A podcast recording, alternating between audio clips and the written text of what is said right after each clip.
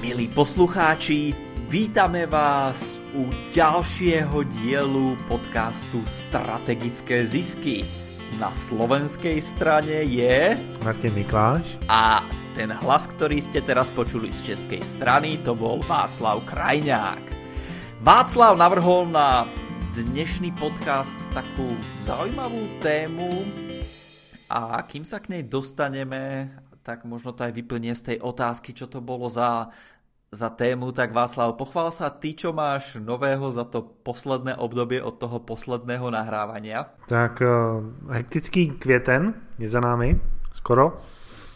A my jsme teď hodně řešili GDPR a jsem rád, že se GDPR nemusíme věnovat eh, v tomto podcastu, že jsme tak nějak eh, plynule přešli tohle téma protože a nevím, jak to máte vy, ale GDPR většině firm nevydělá ani korunu. A my se tady bavíme o strategických ziscích, takže pojďme se bavit o tom, co nám pomůže vydělávat peníze. No, tak čo nám pomůže vydělávat peníze, hovor. Mám pocit, že si naznačoval před podcastom, že jedna z těch věcí, která pomůže, tak je, keď jsme zdraví, tak hej, povedz, hej. povedz, ako sme sa dostali k tejto téme. My jsme si říkali, ale dlouho jsme nedělali téma uh, zdravý životní styl, tak uh, pojďme se na to podívat. A mě to přivedlo uh, k tomuhle tématu uh, ten můj zdravý, v vozovkách, nezdravý životní styl. A to tak, že já jsem na začátku dubna se dostal do hospitalizace tady v plzeňské fakultní nemocnici. A stalo se to tak, že jsem se v noci ve dvě hodiny probudil, a měl jsem velkou bolest v břichu, nevěděl jsem, co s ní, a protože v mém okolí aktuálním nebyl nikdo, kdo by se o mě postaral, tak jsem si říkal, ale vydám se podívat se na naše zdravotnictví. A tam mě uvítali, postarali se o mě a řekli, tak Václavé, zůstaneš tady s námi. No já jsem tam zůstal, tam mě krásně pročistili a potom jsem si říkal, hele, je potřeba se sebou něco udělat, už nejsme nejmladší a jelikož jsem tam tři dny ležel v nemocnici na tom nemocničním lůžku, nebylo to nic vážného, prostě měl jsem pouze nějakou slabší otravu břicha, tak přesto mě to přitáhlo k tomu podívat se na to, jak žiju, to, co piju, to, co jim a změnit to. A jestli jste se se mnou potkali někdy v minulosti, tak možná víte, že jsem byl velký fanda Coca-Coly a stále jsem, myslím si, že to je dobrý produkt, akorát už ho nepiju. A, a také jsem byl velký fanda uh, azijské kuchyně. A když jsem tak ležel právě v té uh, posteli, tak jsem přemýšlel, co mě tam dostalo. A bylo to právě to, že jsem uh, jedl hodně uh, fast foody. A jeden z těch fast foodů nebyl úplně tak připravený, jak by měl být. Já jsem na tím mávnul rukou, vlastně dal jsem ho a ejhle, za dva dny na to eh, jsem ležel pryč. Mm. Takže takovýhle malý krátký úvod, eh, přátelé. Já se zeptám hned na začátek tebe. Martin, ty jsi byl někdy v nemocnici? Uh, určitě jsem byl v nemocnici, čo si tak na, naposledy, na pohotovosti som bol asi tak 2-3 roky dozadu v zime som chytil nejakú chrípku alebo niečo. A jedného dňa som sa zobudil so strašnou bolesťou v ušiach takže, takže som išiel do nemocnice, nech sa mi na to pozrú, čo sa deje a oni zistili, že tie, tie vírusy sa nejako dostali do uší, takže som dostal antibiotika. To bolo tak naposledy. A možno predtým ešte e, niekoľko viacej rokov, tak môj syn, keď bol menší, tak e, to už bude možno aj 5 rokov dozadu, tak mal vyberané mandle nejaké, neviem, tak to som si povedal, že tak strávim v nemocnici s ním dva dní, tak to som si mohol oddychnúť, porozmýšľať, niečo počítať, takže to bol taký dobre strávený čas. takže to sú, to sú moje posledné zážitky s nemocnicami. OK. Ale ne, neležal som ako, s mojimi ušami som neležal a so synom som ležal jako dobrovolně. Jo, když jsem byl malý, tak jsem byl v nemocnici no, třeba jednou měsíčně, ale eh, od té doby, co jsem se stal eh, plnoletým, tak eh, to byl můj první zážitek s nemocnicí. Měl jsem z toho obavy, ale ku podivu se tam ke mně lidi chovali dobře. Byly tam krásný mladý sestřičky, doktoři byli příjemní, a, takže v podstatě to bylo dobrý, až na ty a, samozřejmě trampoty s tím tělem. A musím říct, že tady fakultka v Plzni, a, skvělá instituce, a, dobře se tam o mě postarali, takže to bylo super. Ano, toto bola neplatená vsúka, prosím pekne. Dobre, pokračujeme ďalej. Ty si spomenul nejaké, nejaké veci, akože kola, fast food, alebo nejaké možno pitie, alebo niečo také. Mm-hmm. Já jsem si, já jsem také, si, povedz, já jsem si v minulosti totiž už všímal, že eh, dny, byly dny, kdy jsem pil kolu a byl jsem v pohodě, a jakoby ty sladké nápoje a energetické nápoje a tohleto. A potom, když jsem to uh, třeba nepil, tak uh, mě trošku bolela hlava.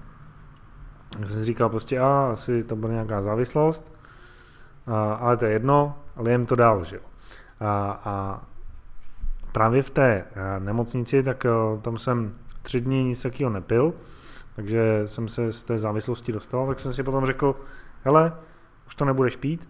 A teď, přátelé, jsem skoro dva měsíce čistý, bez cukru, který by ke mně přicházel právě v podobě těchto těch energetických nebo kolových nápojů. Už keď sme pri, pri tom cukre, tak ja som videl takú, takú, také zaujímavé video na internete a ukazovali, že ako sa mozog správa, keď človek dá nikotín a ukazovali, ktoré mozgové centrá sa zaktivujú. To bolo na ľavej časti obrazovky a na pravej časti obrazovky bolo video a ukazovali tam, že ktoré časti mozgu sa zaktivujú, keď si dá človek cukor. No a to bolo skoro jednak jednej to isté, len ten cukor bol samozrejme trošku slabšie, sa rozsvietili tie jednotlivé časti mozgu a pri tom nikotíne sa to rozsvietilo silnejšie. Takže to bola taká zaujímavosť. Samozrejme doktori vo veľkom eh, nechcú priznať, že niečo také ako závislosť na cukre môže existovať Určite existuje aj nejaká cukrová lobby v Európskej únii, pretože z cukru sú obrovské dane a veľmi veľa ľudí to stále papa používa, alebo ja neviem, na zaváranie možno ani nič lepšie si gazdinky doma stále nevedia predstaviť a možno ani neexistuje v skutočnosti.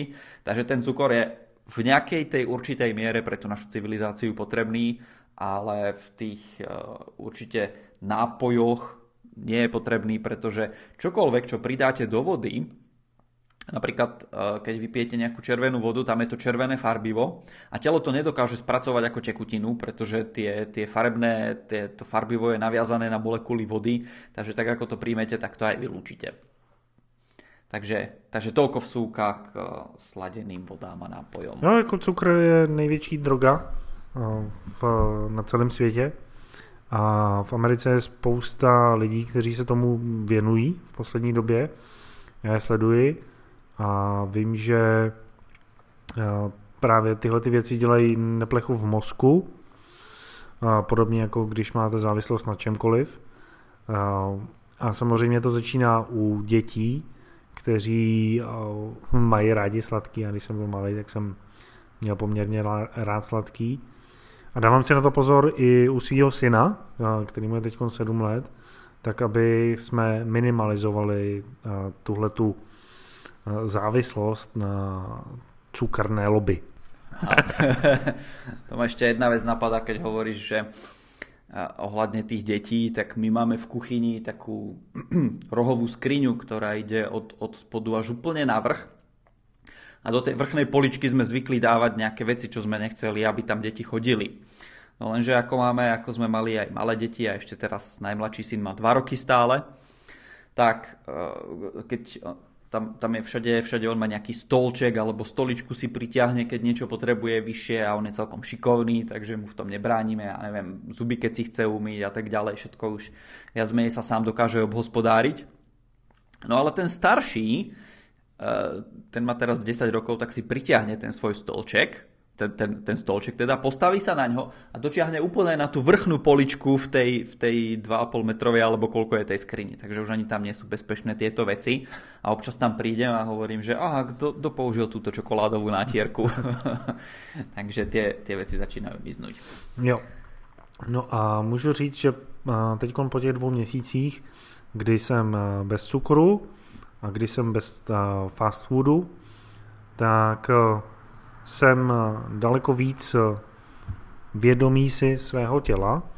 To znamená, že ku podivu poznám, kdy jsem unavený a nepřebiju to právě kolou nebo nějakým nápojem, ale jdu si odpočinout a tak nějak víc jsem sladěný s tím tělem. Nevím, jak to úplně popsat, protože nejsem úplně takový ten ezoterický a přírodní typ, ale jsem jakoby víc uzemněný, nejsem takový roztěkaný, dávám si větší pozor na to, jak dlouho spím, protože vím, že když málo spím, tak potom to nemůžu dohnat nějakým takovýmhle rychlým cukrem. Takže to je, to je u mě tak novýho. Co tě k tomu zajímá, Martine? No čo ma napadlo, keď si povedal, že ješ menej fast foodov, tak tie fast foody sú väčšinou v dnešnej dobe není vytvárané na to, aby človeka naplnili, ale väčšinou sú tie firmy stavané na to, aby zarobili čo najviac a používajú k tomu práve tie závislosti a to je to, že jedlá sú e, za prvé sladké, to znamená, obsahujú cukor, za druhé sú tam jedla slané, presolené, takže obsahujú sol a za tretie obsahujú veľké množstvo oleja.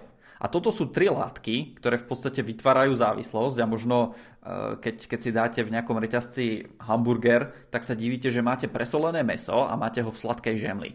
Takže a, a, a to meso, ok, vo väčšine prípadov asi není narobené na oleji, ale možno tam použijú nejaký dodatočný olej na šalát alebo niekde. Alebo v podstate tie omáčky sú extrémne olejovité. Takže tam máte všetky tieto tri zložky, ktoré spôsobujú závislosť.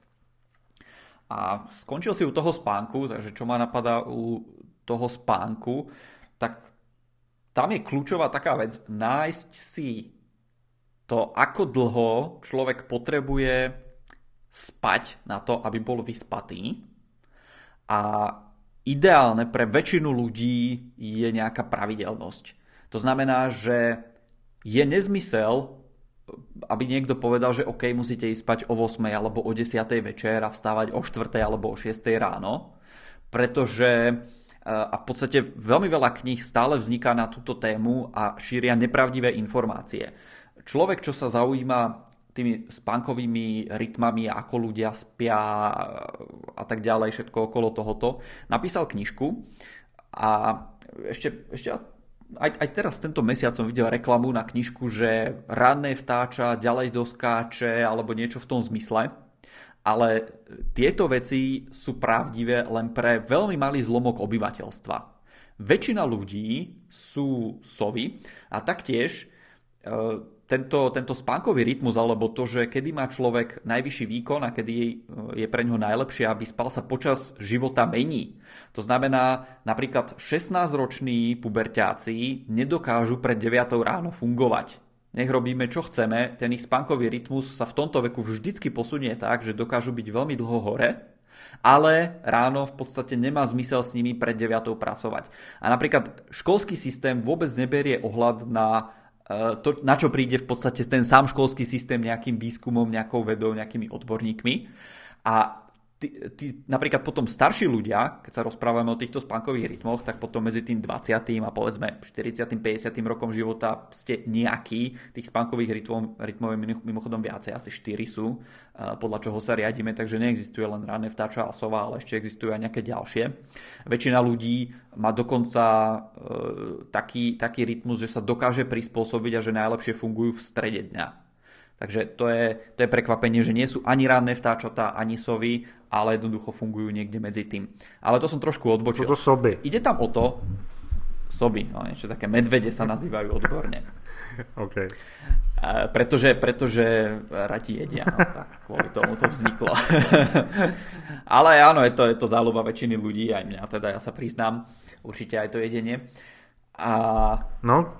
čo sa týka toho spánkového rytmu, tak hovorím, že čím je človek starší, tak tým sa to zase posúva do tých ranných hodín. Takže pre starých ľudí je úplne prirodzené, že oni áno, ráno vstanú, o tej 4. ráno sú plní energie, ale potom večer o 6. už, už zaspávajú. Takže je to, je to bežné a niekde medzi tým si musíte zistiť, čo vám vyhovuje. E, tento, tento doktor v podstate, keď sa začal venovať tomu prieskumu, hovoril zaujímavú vec. Mal nejakú, nejakú klientku, ktorá za ním chodila, že mám nejaký problém s tým spánkom a tak ďalej, tak on hovoril, OK, vyšetríme, zistíme, čo sa deje tak začali ju vyšetrovať a ten zamestnávateľ ju nutil, aby chodila, ja neviem, na 8 alebo tak nejako do práce. A došiel za tým zamestnávateľom a hovorí, že viete čo, potreboval by som vašu spoluprácu, že ideme pracovať na nejakom výskume, eh, aby, aby ste so mnou ako zamestnávateľ spolupracoval. A ten zamestnávateľ hovorí, že v poriadku, ale musíte byť veľmi rýchli, pretože ja sa chystám tú pani vyhodiť pretože ne, ne, nepracuje tak, ako by mala, nehodí sa na svoju pozíciu podľa mňa a tak ďalej. Doktor hovorí, že v poriadku, dajme tomu e, nejaký čas, neviem, či sa dohodli týždeň alebo mesiac alebo e, niečo také. A došiel za ním a hovorí, dobre, z tých výskumov, čo som došiel, tak musíte zmeniť jej pracovnú dobu, musí chodiť na desiatu, musí pracovať dovtedy, takto a takéto úlohy mať. Ten zamestnávateľ hovorí, dobre, vyskúšame to. No a keď došiel ten deň B, kedy už, kedy už si mali povedať, že na čo došli, tak ten zamestnávateľ hovorí tomu doktorovi, ja neviem, čo ste s ňou urobili, ale ona sa stala jednou z najlepších pracovníčok, najlepší výkon, robí si svoje úkoly na 110%, eh, nevyhodím ju, nechám si ju. A všetko to bolo na základe toho, že on ju nútil pracovať v dobe, keď ona nemala tú výkonnostnú krivku vysoko. Práve naopak, potrebovala v tom čase ešte spať možno o tej 8 ráno. Podľa, podľa tých, zase netvrdím, že teraz máte začať chodiť na 10 do práce, alebo že máte vyhovieť vašim zamestnancom, že majú chodiť na 10 do práce. Je to, toto bolo na základe výskumu, ktorý viedol doktor, ktorý sa venoval spánku, spánkovým Máme jeho meno? režimom, rytmom a tak ďalej. Ehm, dobre, pohľadáme meno a zverejníme pod, pod podcast. Takže spánok, to je jedna vec. Druhá vec, ktorej sme sa dotkli, tak to je, Dobrý. to je jedlo. A, tak já jsem, no, já, povedz, já jsem povedz. právě začal spát víc. Pro mě bylo v minulosti relativně normální spát 6 hodin denně a potom to třeba někdy o víkendu dospat.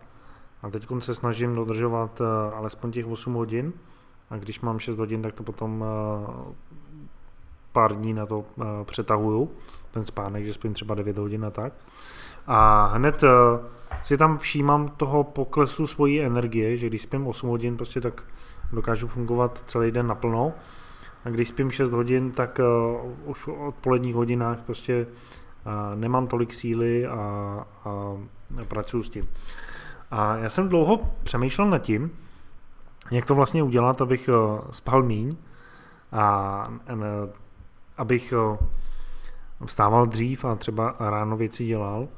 A přišel jsem na to, že ten klíč je v celku jednoduchý a spočívá v tom, že se prostě musím večer donutit jít spát dřív. Takže některé dny jsem šel spát třeba i nedávno v 8 hodin večer, když jsem potřeboval stávat ve 4, nebo běžně teď chodím spát před 12. Zase, jako můžete to vzít tak, že já jsem dlouhou pracoval jako sova, takže mě nedělal problém pracovat do dvou, do tří v noci a vědomně jsem si řekl, že večer už dělat nebudu a v podstatě se vypínám tak mezi desátou a jedenáctou, abych aspoň v jedenáct zalehl a byl ráno freshný. Mm-hmm. A s tím souvisí no. to, že jsem si potom ráno zavedl nebo našel, objevil takovou malou ranní rutinu a jsem zvědavý, jak mi vydrží, zatím se mi hodně líbí a, a funguje. Jsem zvědavý, jestli se mě na ní zeptáš. Ne, nezaujíma ma ranná rutina. Ďakujem za opýtanie. Čo ma napadlo, tak kľúčové pri tomto je pravidelnosť.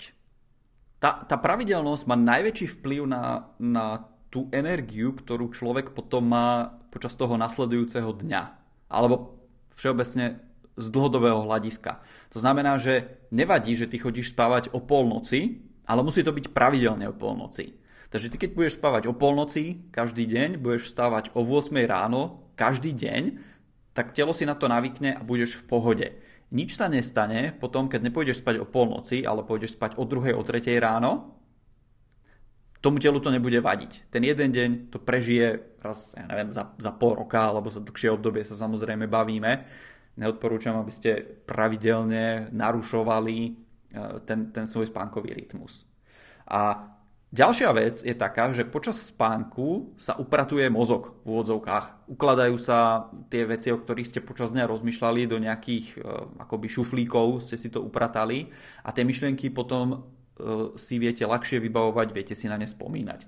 Takže čo sa týka spánku, tak je dôležitý spánok nielen v noci, ale je dôležitý aj nejaký spánok alebo oddych alebo voľný čas, aby ste si našli aj počas dňa, a to je jedno, že či vám bude vyhovovať 10 minút alebo 90 minút, ale jednoducho, aby ste si našli počas dňa čas, kedy máte e, možnosť vypnúť mozog a ten mozog má šancu si upratať tie veci. Toto sa zistilo, že pomáha nielen vo fungovaní mozgu, ale na 6000 mužoch robili aj prieskum a zistilo sa, že to má vplyv na srdcovú aktivitu a extrémne sa znížilo množstvo Eh, úmrtí na srdcový infarkt, keď muži spali počas dňa. Samozrejme aj na ženy ten spánok počas dňa má nejaký vplyv. Takže to, čo robia v tých južných krajinách, že siesta a počas dňa si oddychnú, tak je ideálne.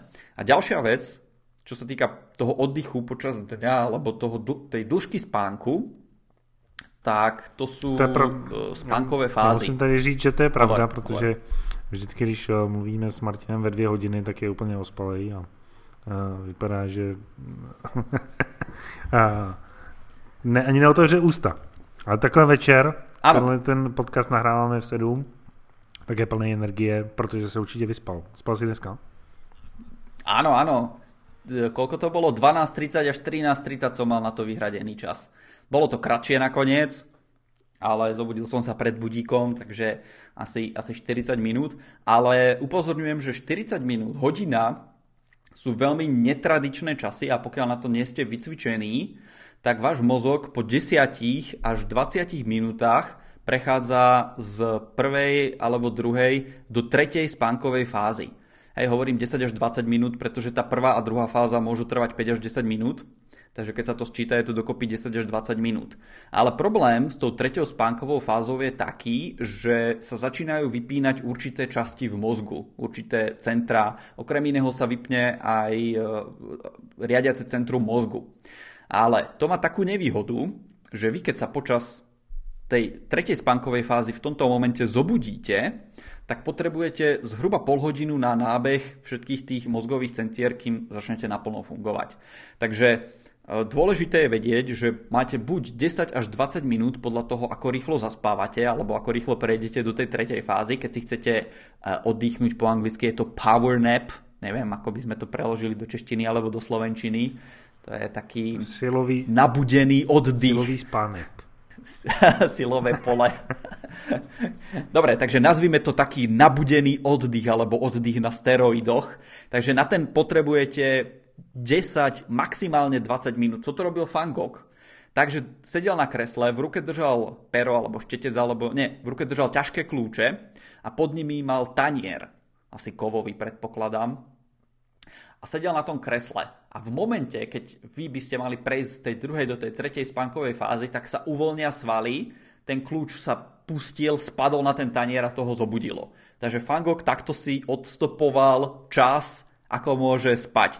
Pre vás odporúčam, aby ste za prvé spali alebo oddychovali položiačky, pretože v dnešnej civilizácii sedíme až pri veľa. Predpokladám, že Fangog a ostatní pracovali po stojačky, takže on si mohol posedieť tých 10 minút, toho nezabilo. Vy pokiaľ sedíte v práci, tak si radšej lahnite.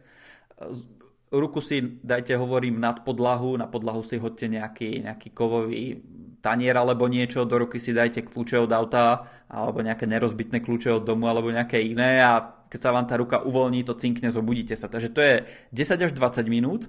Alebo potom tá druhá alternatíva oddychu počas dňa je 90 minút, kedy stihnú prebehnúť všetky 4 spánkové cykly a ten mozog sa zobúdza zase počas tej štvrtej, prvej, druhej fázy, kedy, kedy je v poriadku sa zobudiť a v podstate možno to poznáte aj cez víkend, keď sa zobudíte v správny okamih, že nemáte budík, nebudia vás nejaký krik zvonka, deti alebo niečo iné, tak sa zobudíte a ste plní energie a dokážete okamžite fungovať.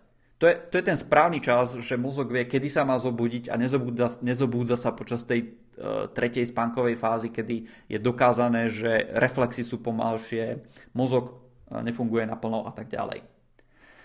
Takže teraz je na rade to, aby si prezradil, akú máš rannú rutinu. No to je právě ty si řekl teď všechno, co jsem chtěl říct k tomu spánku, když si mě předběhl. tak, k tomu, k té ranní rutině, tak já už dlouho studuju úspěšný lidi a všímám si, že hodně z nich právě jsou ranní ptáčata. Ale nejsou tak jako, že by se tak probudili a nevěděli, co se sebou mají dělat, ale v tom, že si ráno začnou věci dělat podle svýho, ještě předtím, než je dožené celý svět. To znamená, že vstávají dřív, 6, 5, ve 4 a první 4 hodiny dne, nebo první x hodin dne, tak věnují té nejdůležitější práci a sobě. A já jsem to vždycky bral tak jako, že a, dobrý, ale až někdy bude čas. A teď jsem měl šanci si to vyzkoušet a fungovalo mi to velmi dobře. A ten můj uh, aktuální rytmus, který já používám, je, že potom, co se probudím, tak uh, dvě hodiny se věnu uh, hodně náročné práci, to znamená nějaký programování nebo uh, vyloženě copywriting. Potom si jdu přečíst pěknou knížku, a, která mě inspiruje, a dám si k tomu dobrou snídani a potom další dvě až tři hodiny tak věnuju psaní a další jakoby náročné práci. No a to už máme skoro poledne, no a zbytek dne potom můžu věnovat nějaký operativě, nějakým menším úkolům a třeba natáčení podcastu s tebou a tak podobně. Takže tohle to se mně hodně zalíbilo. Zase, berte to tak jakože to na sobě zkouším. Nevím, jestli mi to vydrží dlouho a uvidíme. A zatím to vypadá dobře a budu vás informovat o tom, jak se to vyvíjí. Ja som o tomto napísal článok, zase odkaz dáme pod e, príspevok na stránkach strategické zisky CZ pod tento podcast. A je to e, príspevok, kde hovorím o práci v časových blokoch. To znamená, že viem, že vždycky každý deň väčšinou teda medzi 12. a 14. pokiaľ je to možné, napríklad mám vyhradený na oddych čas. Alebo vždycky každý deň, ja neviem, medzi 9. až 12. sa venujem marketingu alebo práci na stránke a tak ďalej a tak ďalej. Takže e, je tam aj taká, taká grafická tabulka, je to tam pekne, pekne nakreslené v takých nejakých farebných pásoch, takže môžete pozrieť na stránku strategické zisky, kde bude odkaz na môj blog o, o práci v časových blokoch a o pravidelnosti možno. Mhm. OK. Um, tam jde o to, že vlastně uh, ten ranní rituál je něco, co by mělo být uh, zase neměné, pravidelné a právě to slouží k tomu, že když se dobře probudíš, jsi dobře vyspaný, odpočatej, máš všechny věci odladěný, tak máš ráno spoustu energie a můžeš zvládnout věci, které jsou pro tebe důležitý, bez toho, abych se pouštěl do všeho, co po mně chtějí klienti, všeho, co po mně chce celý svět. Ale vezmu si ano. to, co je důležité pro mě a věnu se tomu. A jelikož ta energie hlavová je nahoře, tak právě se můžu věnovat takové té hluboké práci. Je to knížka od Kela Newporta na tohle téma. Můžete si ji koupit kdekoliv a on to tam hodně dobře popisuje, že když právě máme bloky, tak jak to říkáš ty, nepřerušovaného, nepřerušované práce, kterou se, které se věnujeme do hloubky, tak potom uděláme něco smysluplného a nejsme sem letí tím eh, světem. A když tohle to dělám, tak mám potom z toho dne hned relativně na začátku velmi dobrý pocit, že jsem udělal kus práce. A ta moje ranní rutina teda trvá 5 hodin, to znamená, že první dvě hodiny se věnuju programování, potom hodina pauza na čtení, doplnění energie, snídaní a tak. A potom dvě hodiny psaní. A pokud to přetáhnu, to znamená, že třeba rozdělám něco v těch dvou hodinách, tak potom mám celý zbytek dne na toto dotáhnout. Ale tu hlavní věc, to rozkopnutí, to roztažení, ten start té věci, tak se vlastně odehraje na začátku a potom už jenom v průběhu toho dne to dokončím a, a to je daleko jednodušší, než a potom někdy v odpoledne, když mám málo energie, tak začínat něco důležitého, člověku se do toho nechce a, a zbytečně potom si hledá věci, jak se tomu vyhnout, jak prokrastinovat a tak podobně. Aspoň jsem si toho všímal u sebe. Zase ne, a netvrdím, že to tak má každý. Nemám na to žádný průzkumy nebo testy, a jenom si všímám toho, co, co funguje jako mě, o to se dělím. A právě ty ranní rituály, a vím, že o nich mluvil třeba už Pavel Říha a propagují je hodně podnikatele, kteří dělají v těch oborech, co my, to znamená kreativa, internetový podnikání, digitální marketing a tak podobně. Spomenul som si na názov tej knižky, po česky sa volá Síla správného okamžiku. Poznajte svůj chronotyp je podnadpis a napísali ju Michael Breus. Takže pokiaľ sa chcete dozvedieť niečo viacej o tom, že kedy je najlepší čas na jedlo, behanie, cvičenie, rozhovor alebo požiadanie o zvýšenie platu, v originále tam je myslím ešte aj sex v podnadpise, a tak toto je tá správna kniha. Nečítal som ju po česky teda, takže neviem, ako dopadol preklad, ale e, v originále určite je dobrá a ukazuje, aké sú, e, ak, aký je ten správný okamžik na to ísť spať, zobudiť sa najmä a tak ďalej. Já jsem si dal na začátku tohohle roku předsevzetí, že každý týden přečtu jednu knížku a hmm. zatím se mi to nedaří, tohleto předsevzetí, ale to je v pohodě, a protože od začátku roku čtu jenom anglické knížky a už jsem jich přečet eh, jakože asi 8 a, a s, cítím tam velký posun a mám radost z toho, že a čtu ty knížky právě v originále, ne v nějakém překladu. Mhm. Mně osobně to dává daleko víc, než právě kdybych si to překládal do češtiny a, a hledal tam třeba co tím autor chtěl říct eh, v té, v té angličtině. A zároveň, když mm-hmm. jsem se to potom dostal eh, ke knížce, která byla přeložená, byla přeložena dobře, tak přesto uh, tam vím, jak to ten autor chtěl říct v angličtině a, a v té češtině to zní divně. Prostě. Ja ti poviem o, o mojom príbehu. Ja som tiež si povedal, že OK, budem čítať jednu knihu týždenne, ale to už bolo možno aj niekoľko rokov dozadu ale nedostal som sa k tomu a mal som z toho výčitky.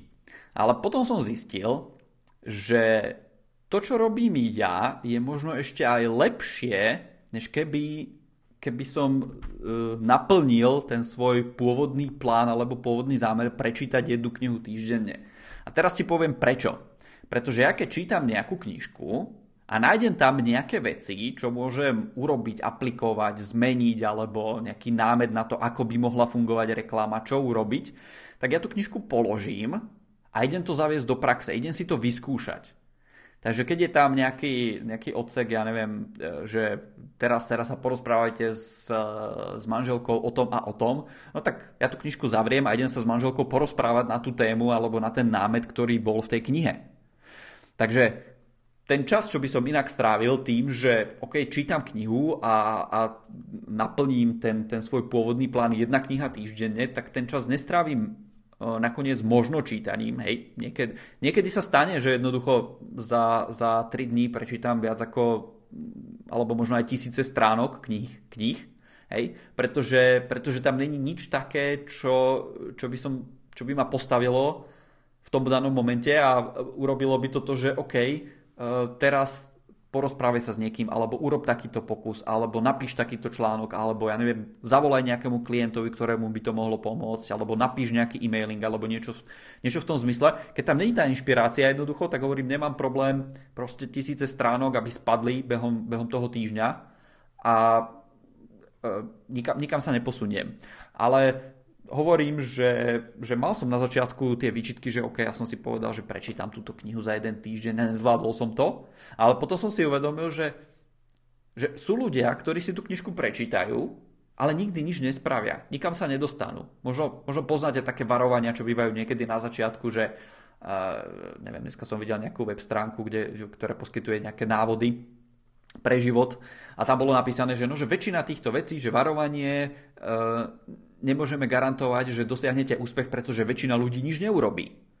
Takže väčšina ľudí si možno prečíta tie knihy a tak, takisto to býva vo veľa tých knižkách, ktoré čítavam, že jednoducho negarantujeme vám, že niečo dosiahnete, pretože väčšina ľudí nič nerobí.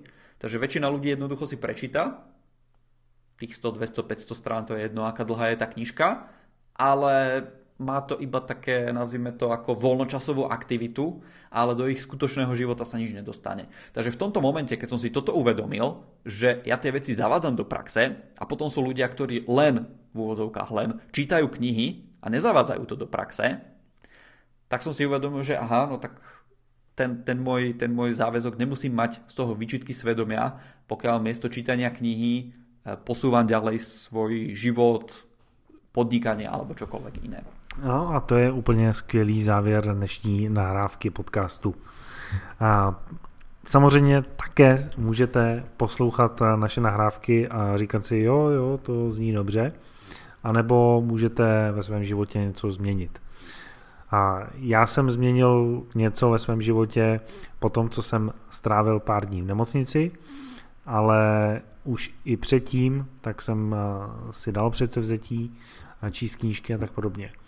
Neříkáme vám, že to, co jsme tady řekli, že musíte zavést, ale zkuste ve svém životě najít něco malého, co můžete změnit už dneska, abyste se posunuli. Třeba nějaká myšlenka z toho, co jsme tady říkali, s vámi rezonovala.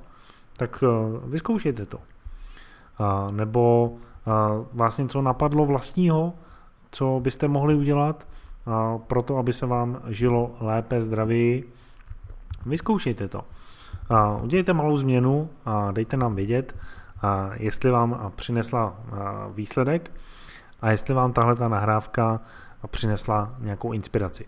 Jděte na stránky strategickézisky.cz, napište nám komentář, anebo pokud nám chcete udělat velkou radost, tak jděte na iTunes a nechte nám tam komentář a recenzi a když budete tak hodný, tak tam přijďte i nějakou tu hvězdičku.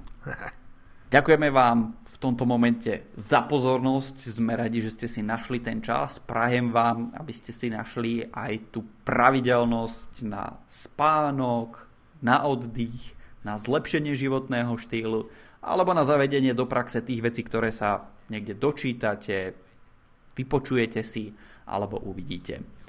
V tom dnešnom podcaste sme sa bavili o oddychu, bavili sme sa okrajovo o vode a pokiaľ vás zaujímajú aj ďalšie typy, tak som pre vás natočil také jedno video z pláže, na ktoré odkaz nájdete na stránke strategické zisky pod týmto podcastom. Taktiež tam nájdete odkaz na sériu článkov, ktorá hovorí o plánovaní času a o takýchto veciach, konkrétne na článok o práci v blokoch, a nájdete tam aj na odkaz na spomínanú knižku od doktora Breusa. A ak vás táto téma zaujíma a chcete, aby sme sa jej venovali viac, tak nám napíšte komentár, aby sme aj my vedeli, akým smerom smerovať tieto podcasty. V tomto momente vám ďakujeme za pozornosť a tešíme sa do počutia o týždeň alebo o dva. Mějte se skvěle.